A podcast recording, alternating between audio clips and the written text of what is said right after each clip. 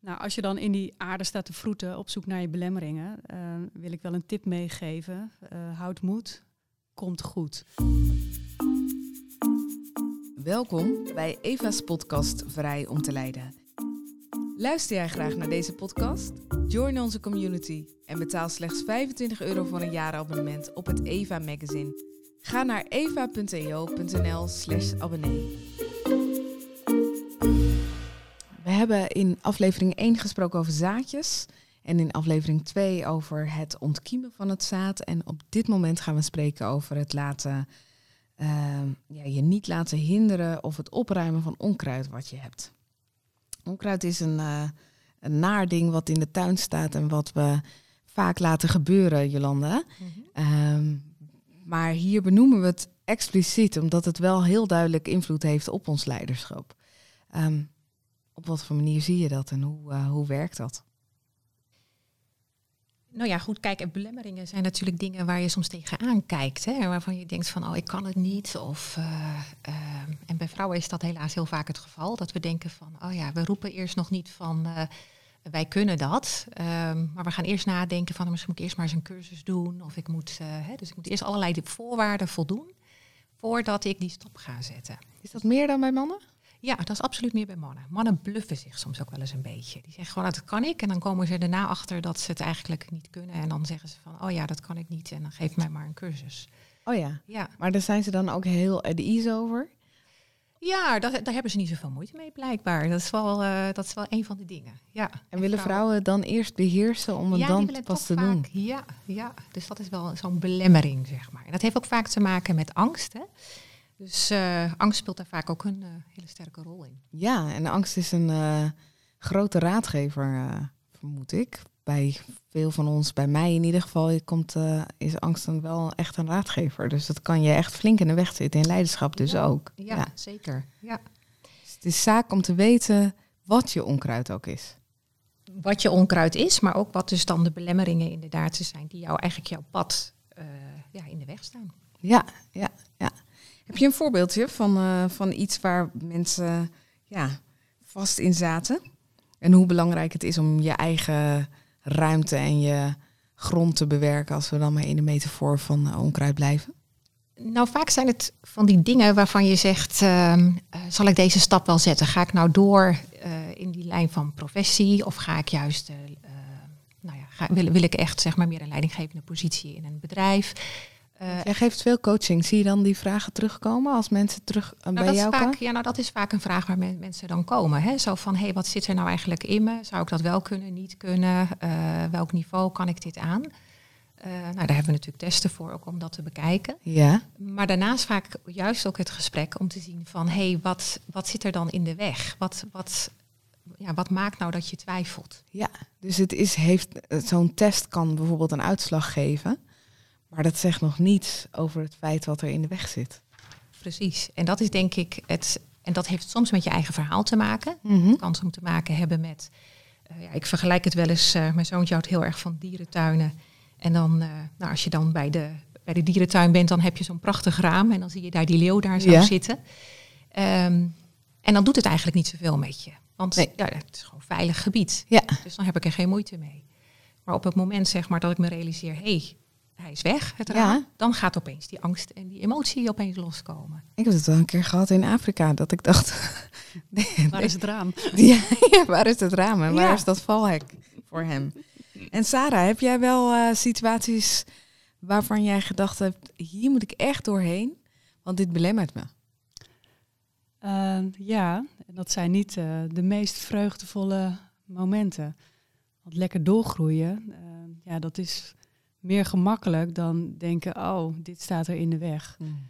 Uh, ik heb wel gemerkt dat er dwars doorheen dat dat toch wel de beste weg is. Uh, dus bijvoorbeeld, um, ik kwam met mijn man tegen in het leven dat we, ook al wilden we heel graag kinderen, dat het niet lukte. Ja. Um, ja, en dat is toch wel een pil die ik moest slikken. die bittere pil. En het liefst wilde ik dat niet. dus ik heb ook een jaar, ben ik heel hard gaan werken ben ik allemaal afleiding gaan zoeken. Om maar niet te voelen? Vooral wegrennen, ja, en niet te voelen. Um, en ook een beetje uh, onwetendheid van wat komt er nu toch op mijn pad? Uh, best veel dingen zijn te plannen. En Ja. als het leven je overvalt, dan, eh, ja, dan is dat niet eh, planbaar. Nee. Zoiets als ziekte of Ja. gewoon narigheid.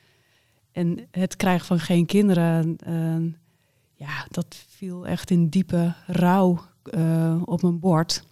En rouw is ook niet iets wat je zomaar in de koude kleren gaat zitten. Nee. Van even één dag huilen en dan eh, is het voorbij. Rouw zit in alles. Ja, ja. En dat belemmert ook om Ja. zelf te gaan staan of, of om vrij te zijn. Ja, ja. Nou, als je de metafoor van een stukje grond eh, pakt waar je dan dat zaad in laat vallen, Ja. dan had ik wel last van grond waar wat bitterheid in zat en, en diepe, diepe be- bedroefdheid.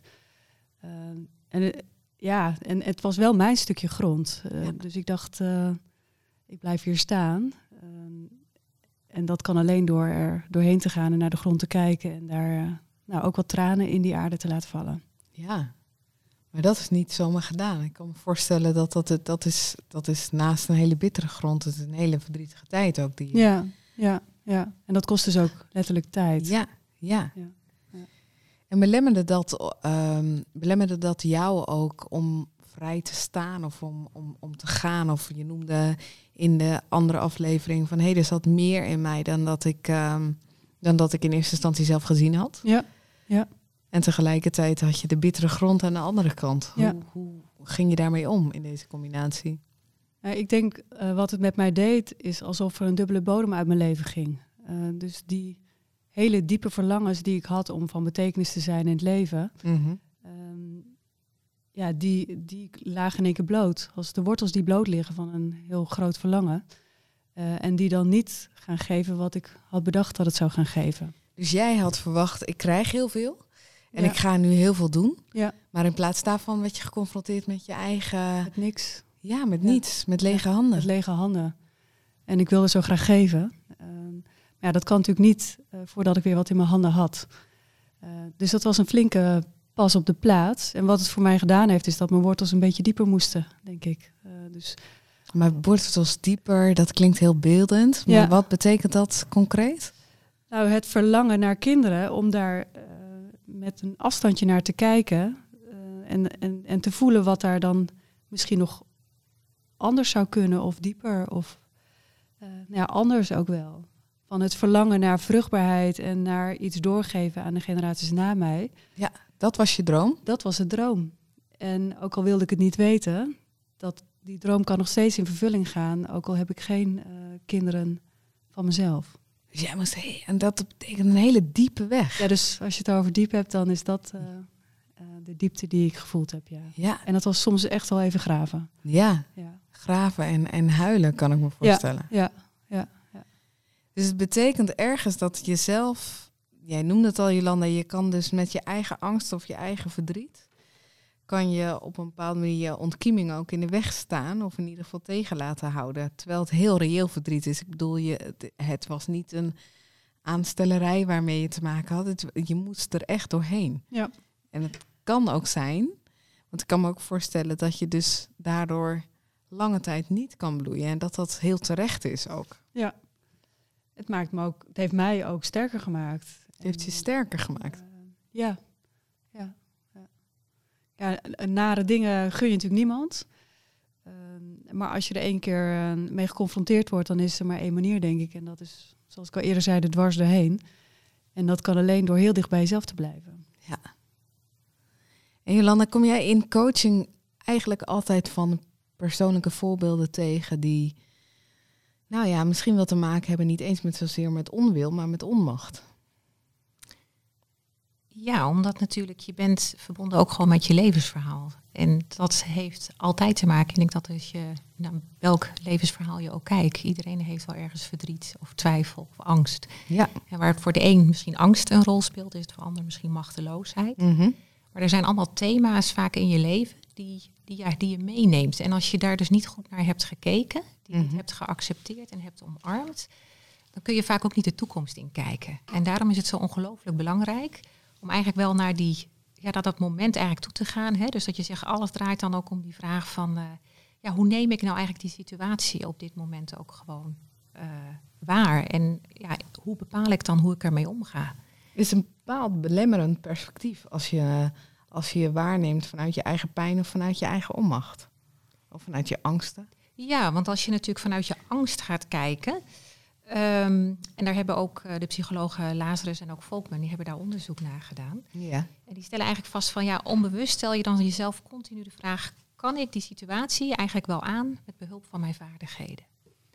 En op het moment dat ik in zo'n situatie al eerder heb gezeten en het liep bijvoorbeeld positief af, Ja. dan kijk ik ook positief die wereld in. Maar als ik daar nog niet eerder mee te maken heb gehad, hè, zoals in Sarah's voorbeeld, ja, daar heb je nog niet eerder mee te maken gehad. En ja, dan weet je dus ook niet hoe het af gaat lopen. Nee. En dat is natuurlijk het spannende eraan. En Dan dan zijn er ook veel mensen die zitten in een baanwissel. Mhm. eh, en dan in ene heel erg bang worden van de situatie die gaat komen. Of van de leegheid die er is.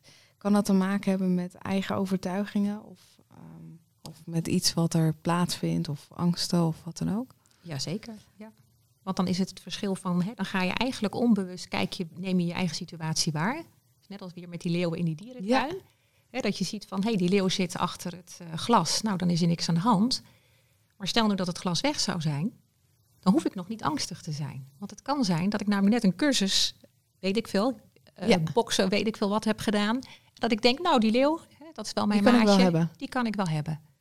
Dan gebeurt er dus eigenlijk niks. Want ik heb nog steeds het gevoel van, ik kom in actie, Ja. dit is wat ik aan kan. Ik ben in controle. Ik ben in controle. Maar als ik dat niet heb en ik denk, joh, ik ben klein van stuk, ja, dan ren ik weg. Eigenlijk kan ik niet zoveel anders doen. Hè? Dus ik kan, of ik kan vluchten, ik kan vechten, of Mhm. ik bevries. Nou, en dat is denk ik wat er dan heel vaak gebeurt. Op zo'n situatie ook van, ja, dat je zegt van, nou, nieuwe baan, eh, twijfel, kan ik het wel? Dan neem ik die situatie waar en ik ga bij mezelf kijken van, hey, nou, heb ik dan hulp in mijn omgeving bijvoorbeeld? Ja. Heb ik sociale steun? Of heb ik misschien de vaardigheden wel in Ja. huis of niet in huis? En als ik daar weer in mee in actie kan komen, dat ik denk, oh, nou, dan ga ik een cursus volgen, dan ben ik weer vol goede moed. Dan ga je weer naar je vaardigheden en naar het stukje waarin je iets kan doen. Ja, Dus die situatie met de leeuw en het scherm, dat gebeurt natuurlijk geregeld. Want op het moment dat je leiderschap ergens over hebt en je verbetert het, dan voelt dat heel comfortabel. Maar als je nieuwe stappen maakt, zoals we hebben het, eh, het hebben over zaadjes en ontkiemen en dergelijke, dan heb je altijd een situatie waarin je te maken hebt met een leeuw die je rechtstreeks aankijkt zonder scherm. precies. En dan gaat het dus om, hoe ga ik daar dan mee om? En Ja. dat is dus een hele belangrijke. En wat je heel vaak ziet, dan kan het zijn hè, dat je soms, eh, dat noemen we dan druivergedrag vertonen. En die, beperkt eigenlijk ook onze vrijheid. Want het zijn vaak van die belemmerende overtuigingen. Ja, dus dat je zegt van, nou, drijvergedrag noem ja, je dat? drijvergedrag. Ja. Alsof je achter de driver van, eh, van het Engelse woord eh, ik zit achter het stuur. Ja, precies. Dus dat je, die- de- eigenlijk zet dat je gedrag aan, zeg maar, continu tot actie, maar dan op een negatieve manier. Ah, oké. En wat er dus gebeurt, hè, dus dat je zegt van, nou, ik weet niet of ik het kan, die nieuwe functie. Ja. Dus dan heb ik misschien een drijvergedrag van, nou, wees voorzichtig. Dus wat ga ik doen? Ik ga in alles hele voorzichtige stappen, terwijl misschien de situatie juist vraagt dat ik juist met mijn nieuwe team ga leiden. Eh, dat vraagt eigenlijk om gedrag van, huppakee, ik moet Ik ervoor ga staan. ervoor. Ik ga ervoor. Terwijl ik eigenlijk zeg, wees voorzichtig en ik zet eigenlijk geen stappen. Maar ben je dan zo bezig met eh, je eigen belemmeringen dat je perspectief of je gezonde perspectief een beetje vervuilt? Ja, want ze zijn niet positief, dus ze bekrachten ons niet in het gedrag wat eigenlijk op dat moment nodig is in de situatie. Daar zit hij. Maar dat is wel belangrijk om die te herkennen. Hoe kunnen we dat doen of wie kan ons daarbij helpen? Sarah, wat, wat, eh, hoe pak jij dat aan? Ehm, nou, als je oog in oog staat met zo'n leeuw, ehm, dan is het denk ik heel goed om naar je eigen lichaam te luisteren en ook te luisteren welke gedachten innerlijk er oppoppen. En of het dan eh, gedachten zijn van angst of van eh, moed. Ehm, ja, en als je dan toch de keuze hebt, zou ik zeggen, kies voor moed. Dus leer je eigen gedachten kennen. Ja, ja, Ja. ja. Het is wel een hele belangrijke, waardevolle, zodat je goed en op tijd. Bewust ehm, keuzes kan maken. Ga ik tot actie over of niet? Sarah, maar ehm, ik op zich goed. Eh, je loopt daar tegenaan. Wat kun je doen? Ja, eh, heel bewust in dat moment eh, eh, daarbij zijn. En dan hebben we natuurlijk altijd nog die grote helper die ook op de aarde beloofd is. Dus ga in gesprek met God. Maar ook met een vriendin of een coach. De vraag is denk ik, durf je de vragen te stellen die je op dat moment te doen? Dus maak het open, want Maak maak het open. de ander, eh, een vriendin. Ja, blijf dus niet alleen in, je, allemaal- in je angst staan te bevriezen. Ja, Maar ga lekker op weg en eh, zoek en sleur iedereen erbij die eh, daarvoor nodig is. En, en regel het ook zelf, want niemand anders weet in welke situatie je zit. Jij weet het. En dat kan je natuurlijk altijd in eigen hand houden. dat je ook bewust hulp zoekt. ja, dus belemmeringen aangaan hoeft helemaal niet alleen. Nee, zeker niet. Nee, nee. En er zijn natuurlijk heel veel andere vrouwen, maar ook mannen die op zo'n punt in het leven hebben gestaan. Ja. Dus zoek ook naar mensen van wie je eh, kan leren en van wie je blij wordt en wie een stijl je ook aanspreekt. Van hé, hey, die heeft ook vast voor hele spannende momenten gestaan in het leven. En hoe heb jij dat dan gedaan? Mooi. Dus vraag een ander. Ja. En zoek een inspirerend figuur die jou zou kunnen helpen, Ja. hoor ik jou daarin ook zeggen. Ja, zoek een beetje de gelijke kleur op die je al in jezelf herkent. Ja. ja. Mooi. Ehm, zijn er nog een opdracht die je verder zou kunnen geven naar aanleiding van deze les? Zoek een eh, gelijke kleurpartner op of iemand van wie je kan leren. Maar is er nog iets anders wat je zou willen ge- meegeven? Eh, nou, we hebben de vorige keer een eh, prachtig woordweb gemaakt of een collage. En ik zou als opdracht mee willen geven om daar nog eens naar te kijken. En dan te kijken ook of er uit die, dat beeld wat daar uit die collage naar voren komt, of daar misschien wat belemmeringen in zitten. En, ehm, en, en hoe je die zou kunnen eh, beetpakken.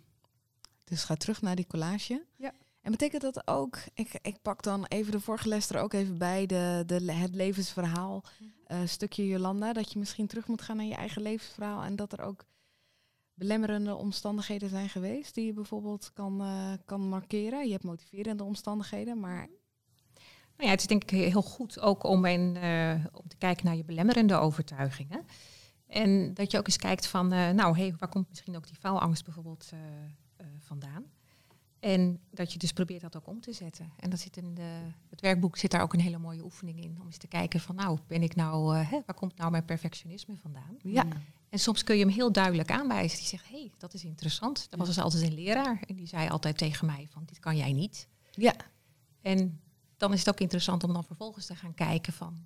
oké, laat ik me nu nog steeds door mijn leidinggevende elke keer op het niet aanspreken? Ja. Of zeg ik nu van nee, dat, dat parkeer ik nu. Daar ga ik echt voor bidden, breng ik in gebed.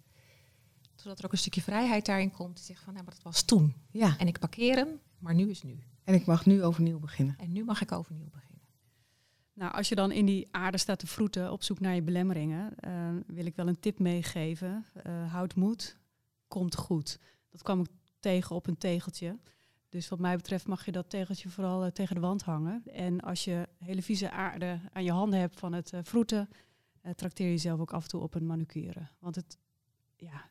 Houd moed, het komt ja, goed. precies, die. Ja. Ja, En zorg goed voor jezelf. neem een manicure. Heb je genoten van deze podcast? Schrijf je dan in voor de Eva Nieuwsbrief en blijf op de hoogte van de laatste nieuwtjes, mooiste artikelen en nieuwe podcast. Ga naar eva.eo.nl/nieuwsbrief.